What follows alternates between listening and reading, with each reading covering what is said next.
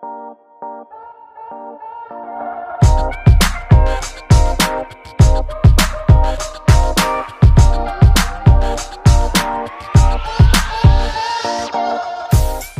selamat pagi, selamat siang, selamat sore, dan selamat malam teman-teman Abbas Talk. Akhirnya kita kembali lagi di episode ke-135. Ya. Kalau gua nggak salah, bersama Abu Christian dan Vincent Manahem. Kita bakalan kembali membahas uh, topik-topik hangat. Di beberapa uh, hari ke belakang kita juga sudah ada banyak diskusi di uh, ini ya, di DM uh, Abbas Talk tentang uh, recap uh, transfer IBL nih banyak uh, ya.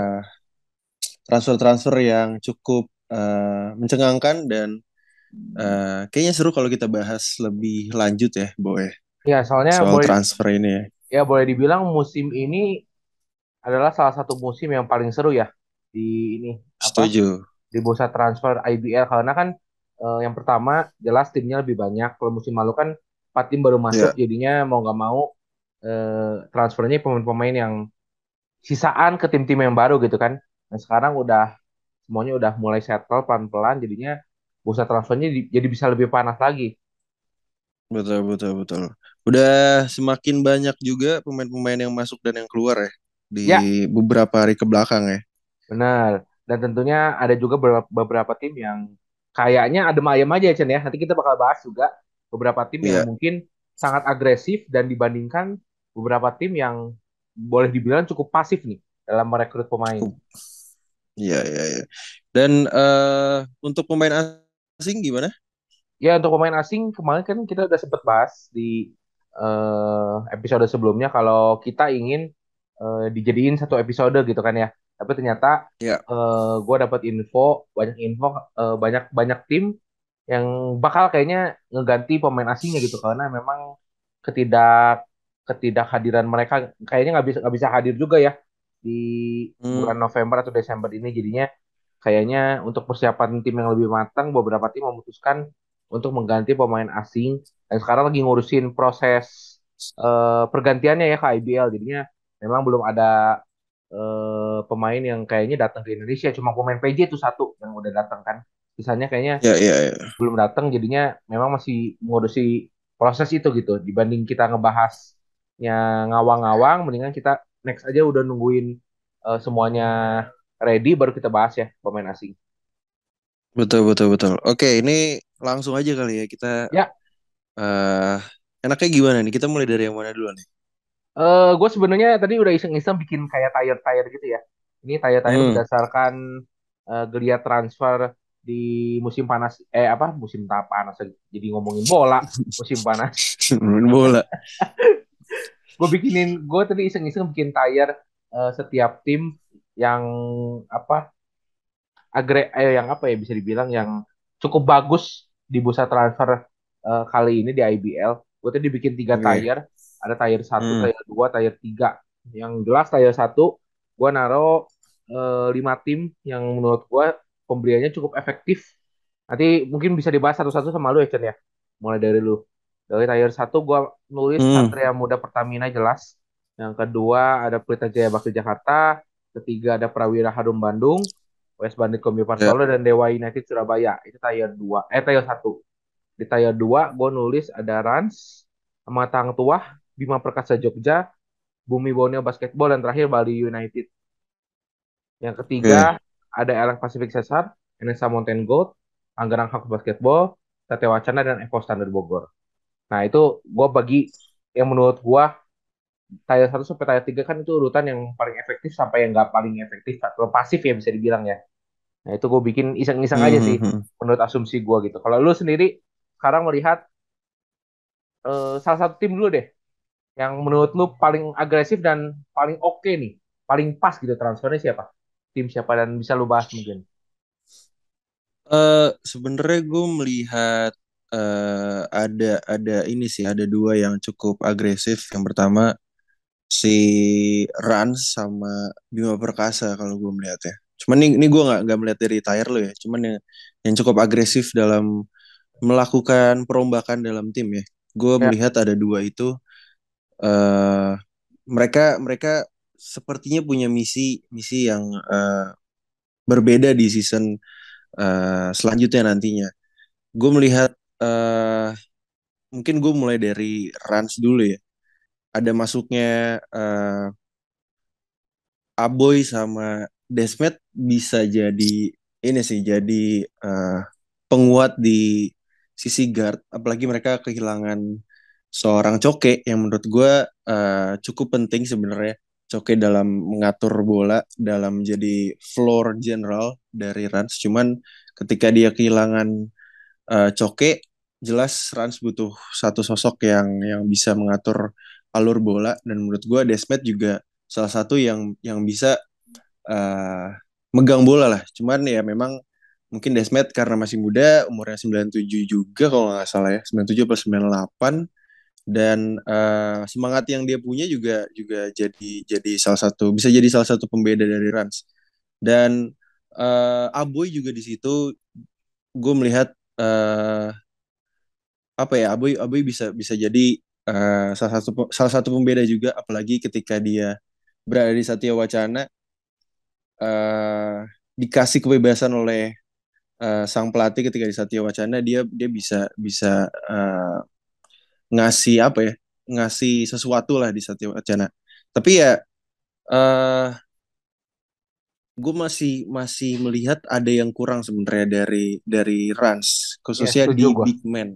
Gue setuju. Gue gue sebenarnya mau nyela tapi nanti omongan lu ini. Gue nanti mau nyela sok silakan. Omong lu. Boleh.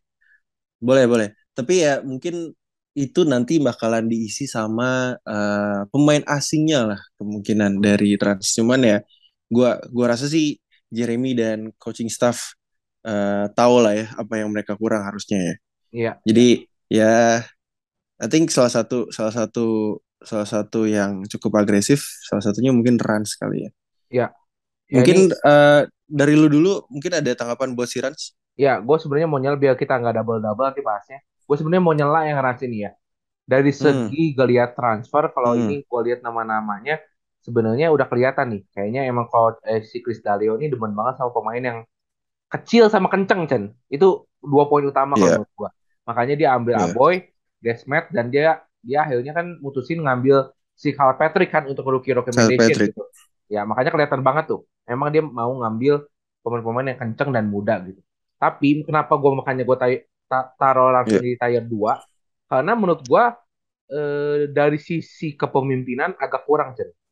Makanya yeah. kemarin dia ngelepas Coke dan ngelepas Bima, tapi dia, dia datengin dua pemain yang menurut gua eh, secara pengalaman gak sebanyak Bima sama eh, Coke gitu. Padahal kalau kita ngelihat mm. kemarin di playoff kan terutama Bima ya, Bima kan sangat impactful banget ya. Makanya yeah. eh, menurut gua agak kurang pas ya nuker Desmet dan Bima. Gue tadi pinggulnya kalau misalnya tadinya mau Bima yang dikirim ke Bali, justru gue pikirnya Yosua yang harusnya diambil sama Rans ya. Karena Yosua kan tipe-tipenya mm-hmm. tipe-tipenya juga main cepet kan Chen. Cepet dan mungkin mm-hmm. secara pengalaman dan experience eh, experience-nya cukup bagus gitu dibandingkan seorang Joseph Desmet. Gue gak ngomong Desmet jelek, cuma dari segi pengalaman I think lebih bagus Yosua kalau misalnya emang mau tukarnya sama uh, pemain-pemain yang cepat gitu. Tapi ya mungkin itu pilihan ya. Pilihannya Rans atau pilihannya Prawira justru atau kerebut duluan sama Prawira gue gak ngerti gimana. Cuma kalau gue pribadi hmm. tadinya kalau misalnya Rans mungkin mau menukar Bima dengan salah satu pemain Bali gue sih lebih setuju sama Joshua untuk di tim ini gitu. Tapi ya ya udah udah kepilih kan Desmet akhirnya uh, masuk ke Rans. Dan menurut gue secara squad ya sudah terlihat ya walaupun undersized dan walaupun undersized tapi memang kalau gue lihat nih si uh, Chris Daleo ini emang seneng banget sama pemain-pemain yang muda dan bertenaga gitu ya. Mungkin dia melihat ada seorang si Edo, ada si Eko, yeah. Eko Agung, Okiwira yang bisa dibilang unicorn-unicorn yang bisa main di uh, multiple posisi gitu. Makanya menurut dia ya udahlah, gue cukup ada Joshua Otto sama Kiang Lim yang uh, tuker-tukeran di bawah nanti dan pemain asing tentunya ya. Jadi tiga pemain yeah, big, yeah, yeah. tiga pemain big mungkin menurut Daleo udah cukup lah buat di IBL gitu. Makanya dia melihat ya udah gua ambil yang semaksimal mungkinnya di guard aja. Dia kan udah dapetin si Otto ya udah. Udah cukup buat dia gitu. Untuk uh, membackup yeah, yeah, si yeah. Lim gitu. Setuju setuju. Menurut gue ya memang uh, eh, gue sempat dengar kalau nggak salah uh, Jeremy dan uh, coach juga fokus mereka sempat bilang kalau nggak salah fokus mereka di defense sih. Hmm. dan uh, mungkin dari dari si uh, anak-anak muda ini yang coba mereka coba mereka tuh kumpulkan lah ya. Kan ada ada uh, Aboy juga di situ masuk ada Desmet ada Carl Patrick. Mungkin itu bisa bisa menambah jadi uh, daya semangat dari dari defense dari Rans sih. Ya, ya. kita bakal bakal lihat sih uh, nextnya mereka bakalan uh, memperkuat defense seperti apa. Cuman ya, ya uh, next harusnya Rans juga bisa bisa merubah objektif ya dari yeah. yang musim lalu ke selanjutnya. Ya. Yeah. Mungkin next gue ke BPJ dulu kali ya. Boleh. Yang udah sempet gue sebut tadi. Ya. Yeah. Gue melihat BPJ uh, jelas lu dan gue melihat ada banyak uh, pemain yang masuk. Ya. Yeah. Walaupun kalau nggak salah beberapa yang keluar ya. Tapi kayak uh, Adit Adit keluar. Salah satu veteran juga masih ada. Yeah salah satu veteran juga masih ada di dalam tim itu ya walaupun juga tidak menjadi pemain ya. Iya, Febri. Iya, iya, iya. Dan uh, ini menarik sih karena gue rasa BPJ harus kembali ke jalan mereka seperti di dua season sebelumnya ya, ketika ya. mereka berada di playoff. Dan uh, gue sangat menantikan uh, permainan BPJ di musim selanjutnya. Apakah mereka bisa melakukan perubahan? mungkin salah satu pembuktian mereka ketika mereka uh, menang di 3x3 itu itu bisa jadi salah satu trigger juga buat tim-tim lainnya kalau uh, eh, BPJ itu uh, sudah melakukan beberapa perubahan walaupun cuma berempat doang atau berlima doang yang main ya tapi ya ini menarik untuk untuk jadi jadi uh, tim yang akan uh, bangkit bisa dibilang BPJ dengan uh, ada Lobu di sana dengan pemain muda ada Salam ada Salamena juga yang masuk ada Nuke juga yang kembali ke BPJ ada Argus juga dan Benaya dan satu lagi yang uh, masih dipertanyakan kayaknya apa rumor ya Denny Ray rumor aja rumor ya uh, masuk mungkin ya ke BPJ ya.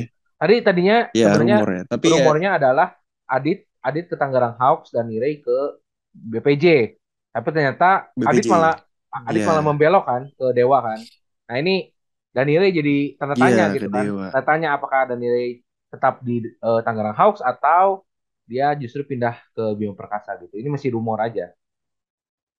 Ya, yeah, setuju, setuju. Dan dia uh, obje objektif dari dari BPJ memang harus dirubah lah ya. Karena musim lalu cukup terpuruk ya, bisa dibilang ya, Bu. Sangat terpuruk. Sempat kehilangan pemain asing juga ya sempat cedera dan dan performanya kurang bagus. Ya menurut gue itu semua bakalan dirubah habis-habisan sama BPJ jadinya mereka harus bisa sengganya uh, masuk ke playoff lagi dan bisa ber, bersaing dengan uh, tim-tim besar lainnya sih. Ya. yang yang gue harapkan sih itu sih. Kalau dari ya. lu gimana? Ya gue kayaknya gue lupa deh. Gue udah sempat bahas di uh, episode sebelumnya atau belum tapi yang jelas menurut gue kalau misalnya bisa ditanya salah satu tim terbaik di bursa transfer ini ya gue bisa jawab Bima Perkasa Jogja, Jogja ya. Tapi gue juga hmm. udah sempat singgung juga di episode sebelumnya. Challenge-nya adalah bukan di pemainnya kalau menurut gue, di coach-nya. Gimana seorang yeah. Kameldi, seorang Kameldi uh, meramu tim ini menjadi tim yang berbahaya. Uh, Sebenarnya percaya dengan kemampuan Kameldi ya, cuma melihat track record-nya yang uh, setahu gue dia lebih banyak di tim yang kuda hitam ya dalam tanda kutip, bukan seorang uh, pelatih yang biasa di tim kontender gitu. Nah ini gue meragukannya di sisi itu aja sih sebenarnya. Bukan masalah kemampuan dia melatih atau enggak, cuma eh melatihnya bagus atau enggak, cuma dari segi pengalaman kayaknya Kameldi memang harus uh, ada di tim yang kayak gini nih, tim-tim yang kontender juara gitu atau kontender playoff lah minimal. Kita lihat nanti gimana ramuan Kameldi, apakah dia berhasil atau gagal ya dalam uh, ngeramu tim bisa dibilang cukup bintang ini ya. Ada Nuke kan, yeah. Nuke bintang, Indra Muhammad, uh, lalu juga masih ada Ikram Fadil, ada Resudi Purnomo, lalu ada dua rising star, ada Jacob Lobu sama Daniel Salamena, belum lagi mm. belum lagi dia datengin salah satu uh, apa finalis lima liga mahasiswa musim lalu, ada Gusan Judi. Yeah. Itu gimana Ya. caranya Kameldi meramu tim ini itu patut ditunggu ya. Kalau menurut gue. Kalau misalnya mas ngomongin materi pemain, no doubt lah. Menurut gue ini udah paling oke okay yang Bima Perkasa punya ya. Mm, Kaget juga sih gue Bima Perkasa cukup aktif ya di mm, di bursa transfer ini dan udah ingat juga ya gue sempat juga ngobrol sama Aldi Valentino katanya mm. eh, dia udah sempet ngobrol juga sama Kameldi gitu untuk dia pindah ke Bima Perkasa tapi kita nantikan ya apakah jadi atau enggak seorang Aldi Valentino pindah ke Bima Perkasa gitu Ya, ya, ya. menarik nih. Ini fun fact nih. ya ya Fun ya fact, fun fact. next mungkin Ya kita mungkin akan mungkin bergeser ke mana nih kita? Enak ya ya. mungkin eh, kedua tim lainnya yang cukup menarik juga kalau menurut gue untuk dibahas ya Eh, yang pertama Ya. tentunya nanti lu salah aja ya abis gue ngomong ya Dewa United Dewa United Dewa United Surabaya tim yang Mm, menurut gua tadinya biasa aja sebenarnya di bursa transfer ya. Tapi dengan ke- kedatangan seorang Azaria Praditya, eh, gue cukup pede ya melihat tim ini kayaknya minimal top 4 lah musim depan ya.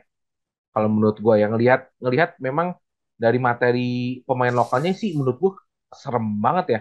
Ini kan kita tag di hari Iya. di hari Kamis. Rabu ya. Eh, Rabu, Rabu. Rabu. Rabu.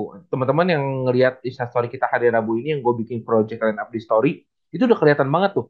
Begitu deepnya squad yang dimiliki oleh Dewa United Surabaya. Tahun lalu itu masalah Dewa adalah gak punya scorer saat seorang Kaleb dan Ius duduk di bangku cadangan Mati. gitu. Ya makanya iya Mm, duduk di bangku cadangan atau mati di lapangan gitu. Tapi dengan ke- kedatangan Azhar dan Praditya, wah itu sih menurut gua salah satu pembelian terbaik lah Dewa dalam mungkin dalam tiga atau empat tahun terakhir semenjak eh, jadi Louvre, eh, dari Louvre ke Dewa ya. Ya ini pembelian terbaik ya Iya. menurut gua Azhar dan Praditya karena memang dari kebutuhan tim dan secara pengalaman Adit tuh pas banget ya. Kalau menurut gua karena eh, ya itu tadi Dewa itu butuh scorer ya selain Caleb dan Ius dan gua, gua rasa Adit bisa mengisi di posisi itu ya. Apalagi eh, mereka kan punya rookie mm, mm. recommendation yang cukup bagus ya. Jordan U yang kayaknya bakal dapat menit bermain yang cukup banyak di musim depan karena dia punya size dan punya eh, ability yang sepertinya beda dari yang lain gitu. Terus ada nama-nama Iya. seperti eh, siapa? eh Katon Aji, Vincent Sanjaya dan Jason Go yang menurut gua bisa juga menambal lubang-lubang yang ditinggalkan pemain-pemain yang pergi gitu kayak misalnya Dio Dianza, Wenda Wijaya yang tentunya jadi coaching staff kan. Jadinya ada nama Jason Go yang akan masuk ya. Vincent juga akhirnya Dewa United punya seorang center selain Leo Effendi ya dan Lu- Lucianus Mm, Gunawan gitu. Akhirnya Vincent mm. bisa masuk ke situ walaupun harus bersaing dengan cukup ketat nih sama seorang Christian Lim, terus ada Lucianus Gunawan nih, tapi gua rasa Vincent bisa lah untuk bersaing di eh, ranah itu gitu. Selain Dewa, nanti gua lanjutin dulu ke Bali ya. Gua ke Bali. Boleh. Bali ini menurut gua juga salah satu tim dengan pembelian atau bursa transfer ter teroke lah, pas kalau menurut gua. Tapi memang eh, yang diambil adalah pemain-pemain yang sangat berpengalaman gitu kan Mm. ada seorang Galang, Sandi Keceng, dan juga eh, siapa? Bima.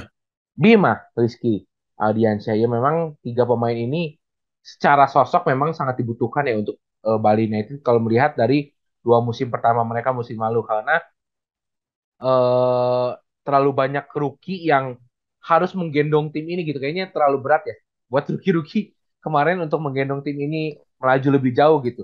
Makanya dengan kedatangan Mm. Bima, Galang, dan juga Sandi diharapkan eh, bisa menjadi apa ya pemain yang dituju lah salah satu momen crunch time gitu kan. Kalau musim lalu kayaknya bingung banget ya kalau Lutfi, Itun, eh, Rico, Koming udah mentok semua tuh kayak bingung aja gitu kan. Bah- Bahkan seorang Abraham Mainas ini musim lalu kan eh, mentok banget gitu bermainnya kan. Ya semoga Mm, dengan mm, kedatangan mm. Bima, eh, Bima, Galang dan Keceng bisa jadi sebuah opsi lah buat Coach Anthony Garibelotto untuk meramu tim muda dan tim tua, eh, apa kombinasi tim muda dan tim tua ini menjadi tim yang lebih oke gitu. Dan gue jamin bisa masuk playoff musim depan. Kalau lu ngeliatnya gimana? Oke, oke, lihat, oke. ngeliat, ngeliat transfer ini. Bali sama Dewa. Sebenarnya kalau Dewa, gue setuju dengan lu. Mereka eh, harus tetap mempertahankan objektif mereka yaitu at least ke final ataupun ke semifinal. dengan materi pemain yang ada uh, saat ini apalagi pemain yang masuk juga Ya. uh, cukup wah. Tapi ya uh, gue harap memang coaching staff bisa bisa bisa melihat uh, potensi-potensi yang ada di di apa di beberapa pemain muda di Dewa United gitu. Mereka harus harus bisa step up juga ketika uh, yang tadi lo bilang ketika scorer mereka selain uh, Ius, selain Caleb ataupun uh, Kevin Moses ketika lagi lagi bau banget, ya pemain-pemain di bench ini yang harus step up. Dan mungkin gue bergeser ya ke ke Bali United. Gue melihat memang sepertinya Coach Anthony ini lagi mencari pemain yang berpengalaman bukan cuma dari lokal tapi memang dari pemain asingnya ada Dior yang juga masuk ke Bali United itu uh, menarik karena big man-nya uh, hmm. bisa dibilang ya cukup berpengalaman ya sangat berpengalaman di di sangat berpengalaman bermain di Liga Indonesia tapi kita lihat uh, nanti karena uh, performance uh, di musim lalu dan dengan performance di musim depan pastinya akan berbeda. Gue melihat juga Dior di, di ketika di final juga permainannya sudah mulai sedikit berbeda dengan Pelita Jaya. Uh, gue nggak tahu teman-teman yang lain melihat hal yang sama atau enggak, cuman ya memang uh, Dior sudah mulai kayak uh, sedikit ada beberapa geser-geser yang kurang enak lah ketika bermain di Pelita Jaya. Cuman ya gue harapkan ketika dia bermain di Bali United, uh, Coach Anthony juga bisa mengkomunikasikan hal itu dan uh, jadi connect antara pemain Bali United, antara guardnya dengan big man-nya, jadinya uh, Bali, Bali United bisa bisa jadi bisa jadi uh, apa ya salah satu uh, semifinalis lah ibaratnya. Tapi mungkin semifinalis agak agak sulit, cuman at least mereka kembali masuk ke jalur playoff lah. Itu yang itu yang uh, harus mereka tanamkan di di beberapa pemainnya. Cuman ya kalau menurut gue sih sebenarnya Bali United agak sedikit kangen dengan sosok uh, oh gue jadi lupa ya? Siapa nih bu? Pemain Yosua. yang uh, bukan Yosua. Koming oh, gue jadi lupa sih? Aduh. Uh, yang Ambon nih. Yang kasus Yeriko Yeriko. Yeriko Yeriko. Kayak uh, sosok Yeriko cukup cukup uh, penting karena butuh scorer dan ball handler ball, ball handler yang cukup lihai uh, di dalam Bali, Bali United karena ketika Abraham Wenas uh, masuk itu juga juga masih kurang cukup ya untuk menambal kekurangan itu tapi ya gue harap dengan adanya uh, sosok Keceng dan Bima bisa bisa bisa kasih perubahan di Bali United untuk masuk playoff nantinya. Ya. Gitu sih. Ya menarik. Uh, sebelum itu kita sebelum kita bahas tim-tim lain ini gue kasih rumor sedikit ya. Mungkin teman-teman yang udah tahu juga mungkin ya yang sering lihat Instastory Abbas udah tahu juga ya. Pringgo de Gowo kayaknya sepertinya akan segera bergabung bersama Pelita Jaya Bakri Jakarta. PJ ya? Iya. Iya. Bersama PJ Pringgo. Selain itu selain nama Pringgo yang lagi yang yang lagi hot gue tulis di Instastory kan Ranger mm -hmm. biru muda menuju Ranger ungu ya. Itu Daniel Wenas yang katanya selangkah lagi bergabung bersama Amarta Hang Tuah. Itu juga udah ada udah dibuktikan dengan tidak adanya Wenas di roster Evo Standard ya untuk Indonesia Cup. Indonesia Cup. Ya, yang akan dimulai hari Jumat nanti. Udah nggak ada nama yeah, yeah, yeah. udah nggak ada nama Daniel Wenas. Katanya tinggal masalah tanda tangan kontrak bersama Amarta Hang Tuah Nanti kita tunggu aja gimana dua pemain ini segera bergabung ya ke tim barunya. Karena ya ya mereka ditunggu-tunggu juga sih kalau menurut gua sama tim barunya. Ya, ya, ya. menarik. Daniel Wenas udah kayak LeBron James ya. Pindah-pindah terus ya kalau gue lihat ya. Iya, ya karena karena dia kan okay. sebenarnya sebenarnya kontraknya kontraknya nanggu apa ya? gantung ya sama Louvre. Terus makanya bingung juga statusnya yeah. dia semenjak dia gak main sama Bali United itu kan kontraknya bingung. Jadinya ya wajar aja yeah, lah. Ya, ya, ya, ya. Oke. Kita bergeser ke tim mana nih enaknya? Uh, mungkin di empat teratas kali ya yang gue tulis di tire. Ini mungkin singkat-singkat oh, aja sebelum kita bahas yang paling boleh. bawah di tier 3. Di tier pertama yeah. uh, ada Satria Muda Pertamina yang sebenarnya nggak ngelakuin banyak perubahan tapi sangat efektif kalau menurut gua. Dia ngambil Widi hmm. yang jelas udah kita bahas di episode sebelumnya. Salah hmm. satu poin terbaik di Indonesia sekarang di Satria Muda Pertamina dan ada kesempatan seorang Julian uh, Alexander Charles dan Ali Bagir untuk promosi ya di uh, Satria Muda musim depan. Tapi nama Julian sih belum ada kalau untuk di Indonesia Cup ya. Indonesia Cup. Ya untuk masih ada nama Bagir. Dan itu cukup oke okay kalau menurut gua um, mempromosikan satu-satu ya. Bagir dulu baru Julian mungkin ya nanti. Devita hmm. Jaya hmm, yang udah gua sempet singgung juga ada nama Pringgorgo dan Arif Hidayat yang kayaknya sebentar lagi akan bergabung bersama Pelita Jaya Walau Arif Hidayat kayaknya nggak akan main juga musim depan. Dia masih ada recovery cedera juga ya, Arif Hidayat. Yeah. Dan yang jelas mereka masih punya seorang Aldi Zatur yang diambil lewat rookie recommendation. Ya kalau Aldi udah mateng lah ya, dia udah nggak bisa disebutin rookie juga sebenarnya. Udah dua tahun bersama Indonesia Patriots dan menurut gue memang dia sudah siap ya untuk bermain di PJ. Di selanjutnya ada Prawira Bandung, Prawira Harum Bandung yang uh, sebenarnya nggak terlalu apa ya nggak terlalu aktif di bursa transfer kali ini tapi menurut gue cukup efektif dengan mengambil seorang Yosua uh, yang menggantikan posisi seorang Difta Pratama ya. Atau ya Difta Pratama kalau secara posisi ya. Difta hilang Yosua yeah. masuk. Secara pengalaman mereka nggak jauh beda dan secara posisi juga nggak terlalu beda dan tapi Yosua menang unggul di speed.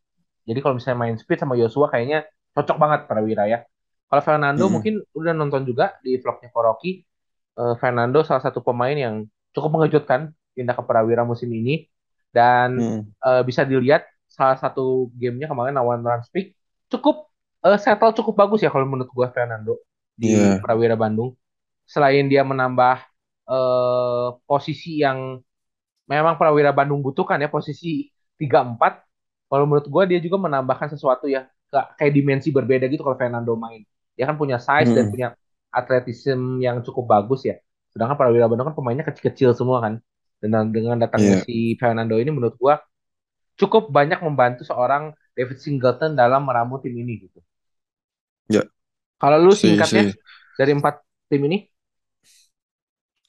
Gua uh, mungkin gue dari Prawira dulu kali ya. Sebenarnya yeah. gue uh, suka banget dengan Fernando ke Prawira karena memang harusnya memang Prawira punya objektif uh, berada di final. Apalagi mereka gagal di dua season terakhir ya. Itu sangat disayangkan dan dengan hadirnya Fernando uh, bisa gue harapkan bisa bisa kasih perubahan. Karena uh, Sultan juga lagi ACL kan. Yeah. dan kalau nggak salah Timotan juga ya. Jadi kayaknya mereka butuh butuh dorongan dari pemain mudanya. Dan Fernando pilihan yang tepat menurut gue dan hadirnya Yosua juga sama seperti yang lu bilang uh, itu salah satu pemilihan yang tepat dari David Singleton. Ya we'll see lah. Karena da, kalau dari kalau dari kalau dari Prawira kan uh, dari pemain lokalnya kan sudah oke okay gitu. Dari beberapa dari musim lalu juga juga oke. Okay. cuman ya pemerasan mereka kan selalu di pemain asingnya gitu kan kita nggak yeah. kita nggak tahu nantinya di season selanjutnya bakalan seperti apa itu menarik menarik untuk jadi uh, highlight lah But uh, mungkin gue bergeser ke Satria Muda Pertamina kali ya. Sebenarnya uh, kalau boleh jujur nih, chance untuk mereka memenangkan uh, tripit, tripit champion tuh cukup besar ya, karena mereka besar ya.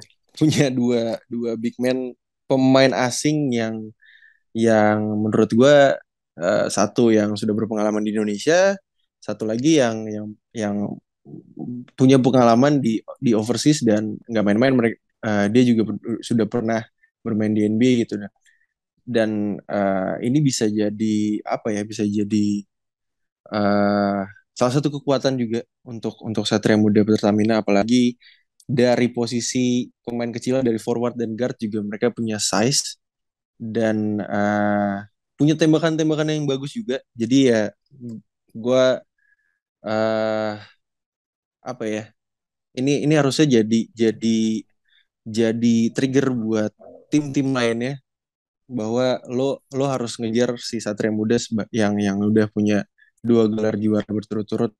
Ya harusnya tim-tim lain juga bisa melihat mereka gitu. Dengan Ya, manajemen yang bagus dengan pemilihan pemain yang uh, oke okay, dengan sponsor yang oke okay juga itu juga jadi penting sih. Ya. gitu. Mungkin mungkin dua, dua lagi. kalau kalau dari aja. sama West West Bandits Hmm. gue gue gue setuju sih sama lo dengan dengan apa yang lo bilang. Gitu sih. Nggak nggak nggak jauh beda dengan dengan apa yang lo bilang. Mungkin kita bisa bergeser ke Ya, tim yang adem ayem kali bu ya yang ada Mayem ya. Jelas tadi gue beberapa nulis beberapa iya tim ya iya lima lima tim gue nulis di tier 3. Ini eh, murni berdasarkan eh, geliat transfer mereka di musim IBL terbaru ini yang kayaknya ada Mayem aja ya. Padahal secara squad memang iya harus banyak perombakan kalau menurut gue. Ya mungkin nanti eh, lu bisa ini ya bisa setelah setelah pernyataan gue. Gue pertama iya mungkin dari NSA Mountain Gold di Indonesia Cup dia tanpa Ruslan Acim. Gue nggak tahu eh, posisi Acim gimana di NSA, apakah masih ada kontrak Mm-mm. atau enggak. Tapi yang jelas dengan gak adanya Acim, gue yakin NSA agak akan kesulitan ya di Indonesia Cup ya. Gue nggak ngomong gue nggak ngomong IBL dulu karena kalau IBL kan masalahnya ma- eh, musim lalu aja dia pemainnya kan sama ya. Hanya pemain asingnya kan bagus ya. Pemain asingnya bagus gitu. Jadi kalau ngomongin IBL kita nanti harus gabungin sama pemain asing.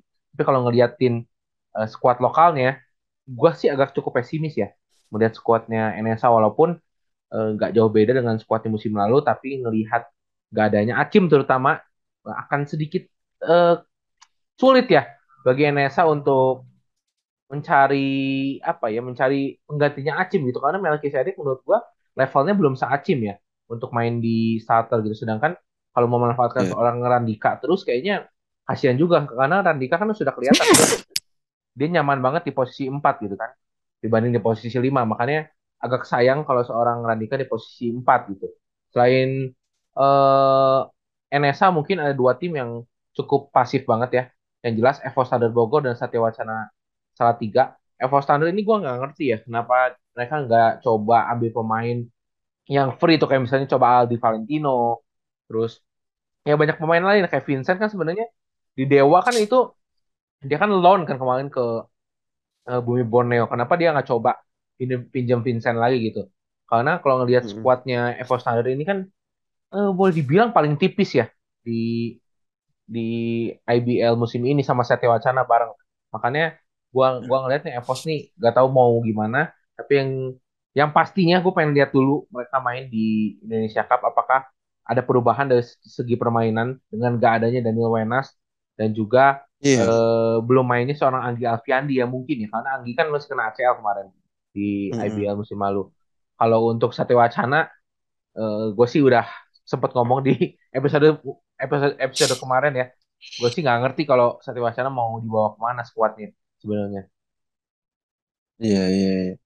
setuju gue gue nambahin mungkin satu wacana gue agak agak bingung apakah dia mau melakukan seperti tim-tim NBA yang sedang tanking. Tapi ketika musim selanjutnya lu nggak bakal nggak bakal dapat pemain rookie yang yang lu harapkan gitu. Karena kita tahu ya di IBL draft di sini tuh berbeda dengan NBA jadi kayak Iya, sebenarnya Satya Wacana ini objektifnya akan seperti apa gitu nantinya. Tapi ya eh ya gue harap sih eh, nggak cuman nggak cuman menjadi supplier tim-tim lainnya gitu ya Satya Wacana. Karena potensi mereka dari dulu itu sudah ada gitu dengan pemain-pemain eh, lokalnya gitu dengan pelatihnya juga. Eh, oke walaupun berganti-ganti tapi selalu ada gitu eh, bibit-bibit dari pemain mudanya. Ya sayang aja eh, kalau selalu dilepas gitu sama Satya Wacana. Tapi iya, ya iya, kita lihat nanti di eh, di season selanjutnya sama di Indonesia Cup akan seperti apa benar. Ya mungkin sebelum kita nutup eh, episode kali ini mungkin terakhir Tangerang Hawks ya. Kita belum bahas Tangerang Hawks sedikit. Tangerang Hawks oke salah satu tim yang menurut gue eh, gak, gak terlalu bagus sebenarnya dari pemilihan pemain, tapi kalau menurut gue untuk menambal minimal untuk musim kedua menurut gue cukup oke. Minimal nggak berada di tiga terbawah lah, bisa lah kalau menurut gue Tangerang Hawks musim depan ya. Karena ya kalau ya melihat ya ya melihat materi pemainnya cukup bagus ya. Andrew Lansun, gue yakin dia akan menjadi peran mengambil peran penting di Tangerang Hawks musim depan. Selain Lansun kan dia ngambil Teddy dan juga eh, Fieri terakhir Vieri. ya terakhir mungkin Fabio ya. Fabio Malankai kan baru diumumin juga. Secara size Mm-mm. oke. Tapi secara game plan kita nggak tahu deh. Soalnya kan ini Antonis Joko juga baru secara eh, coaching staff gitu kan. Ya, Makanya kita belum bisa menilai gimana-gimana. Cuma eh, harapan gua dan mungkin prediksi gua kayaknya nggak akan masuk tiga terbawah lagi musim depan. Masih bisa naik lagi lah. ya, ya, ya. setuju gue dengan dengan uh, Tangerang Hawks. Mereka Ya. akan step up. Dan satu lagi yang menurut gue akan akan uh, bisa step up, salah satunya Bumi Borneo. Mereka Ya. mengambil uh, Chrysler, ada Dava dan juga rookie-nya Sultan. Uh, Dava juga gue lihat di ketika dia bermain di SA Unggul cukup cukup baik ya. Cuman Ya, gue gue gue nggak nonton ketika mereka bermain di Malaysia ya. Dia All Star, All Star second second team kemarin di Phil Basket. Dava. Iya, iya, iya. Oke, menarik, menarik. Berarti ya, gue rasa Bumi Borneo dan Tangerang Hawks bakalan kasih kejutan ke tim-tim besar ya. Dan ini menarik untuk ditonton, menurut gue, untuk uh, season selanjutnya. Tapi ya, uh, gue rasa kita harus kita harus lihat pemain-pemain muda ini, pemain-pemain lokal ini bertanding di Indonesia Cup karena gue rasa jadi ajang preseason yang cukup oke lah ya Ya pride-nya buat gede, Chen. buat Pride-nya gede. pemain-pemain ini. Pride-nya gede ya. Ya, ya, ya. menarik. Kalau dari gue sih itu, Bu. Menurut dari lu ada tambahan lagi mungkin? Ya mungkin kita akan eh, apa sering banget update nanti di Insta Story ya karena kayaknya kalian demen banget ya sama rumor-rumor kayak gitu kayaknya dari dua tahun lalu ya Chen kita demen upload di Iya. story ya kita bakal lanjutin nanti di story kalau episode kayak gini mungkin ya seminggu sekali kita bakal update karena memang kalau Indonesia kapan padat banget ya kayaknya kalau tiap hari bikin Mm-mm. episode kayaknya nggak efektif juga gitu kan Iya, iya, iya. oke Menarik, menarik. nanti kita mungkin abis Indonesia Cup kita tag lagi untuk ngomongin eh ini apakah omong-omongan kita pas atau enggak ya dengan Nah, yang iya. main di Indonesia Cup ya. Yes. Gitu. Siap. Menarik. Thank you, thank you semua yang udah dengerin. Oke, thank you semua. See you. Bye.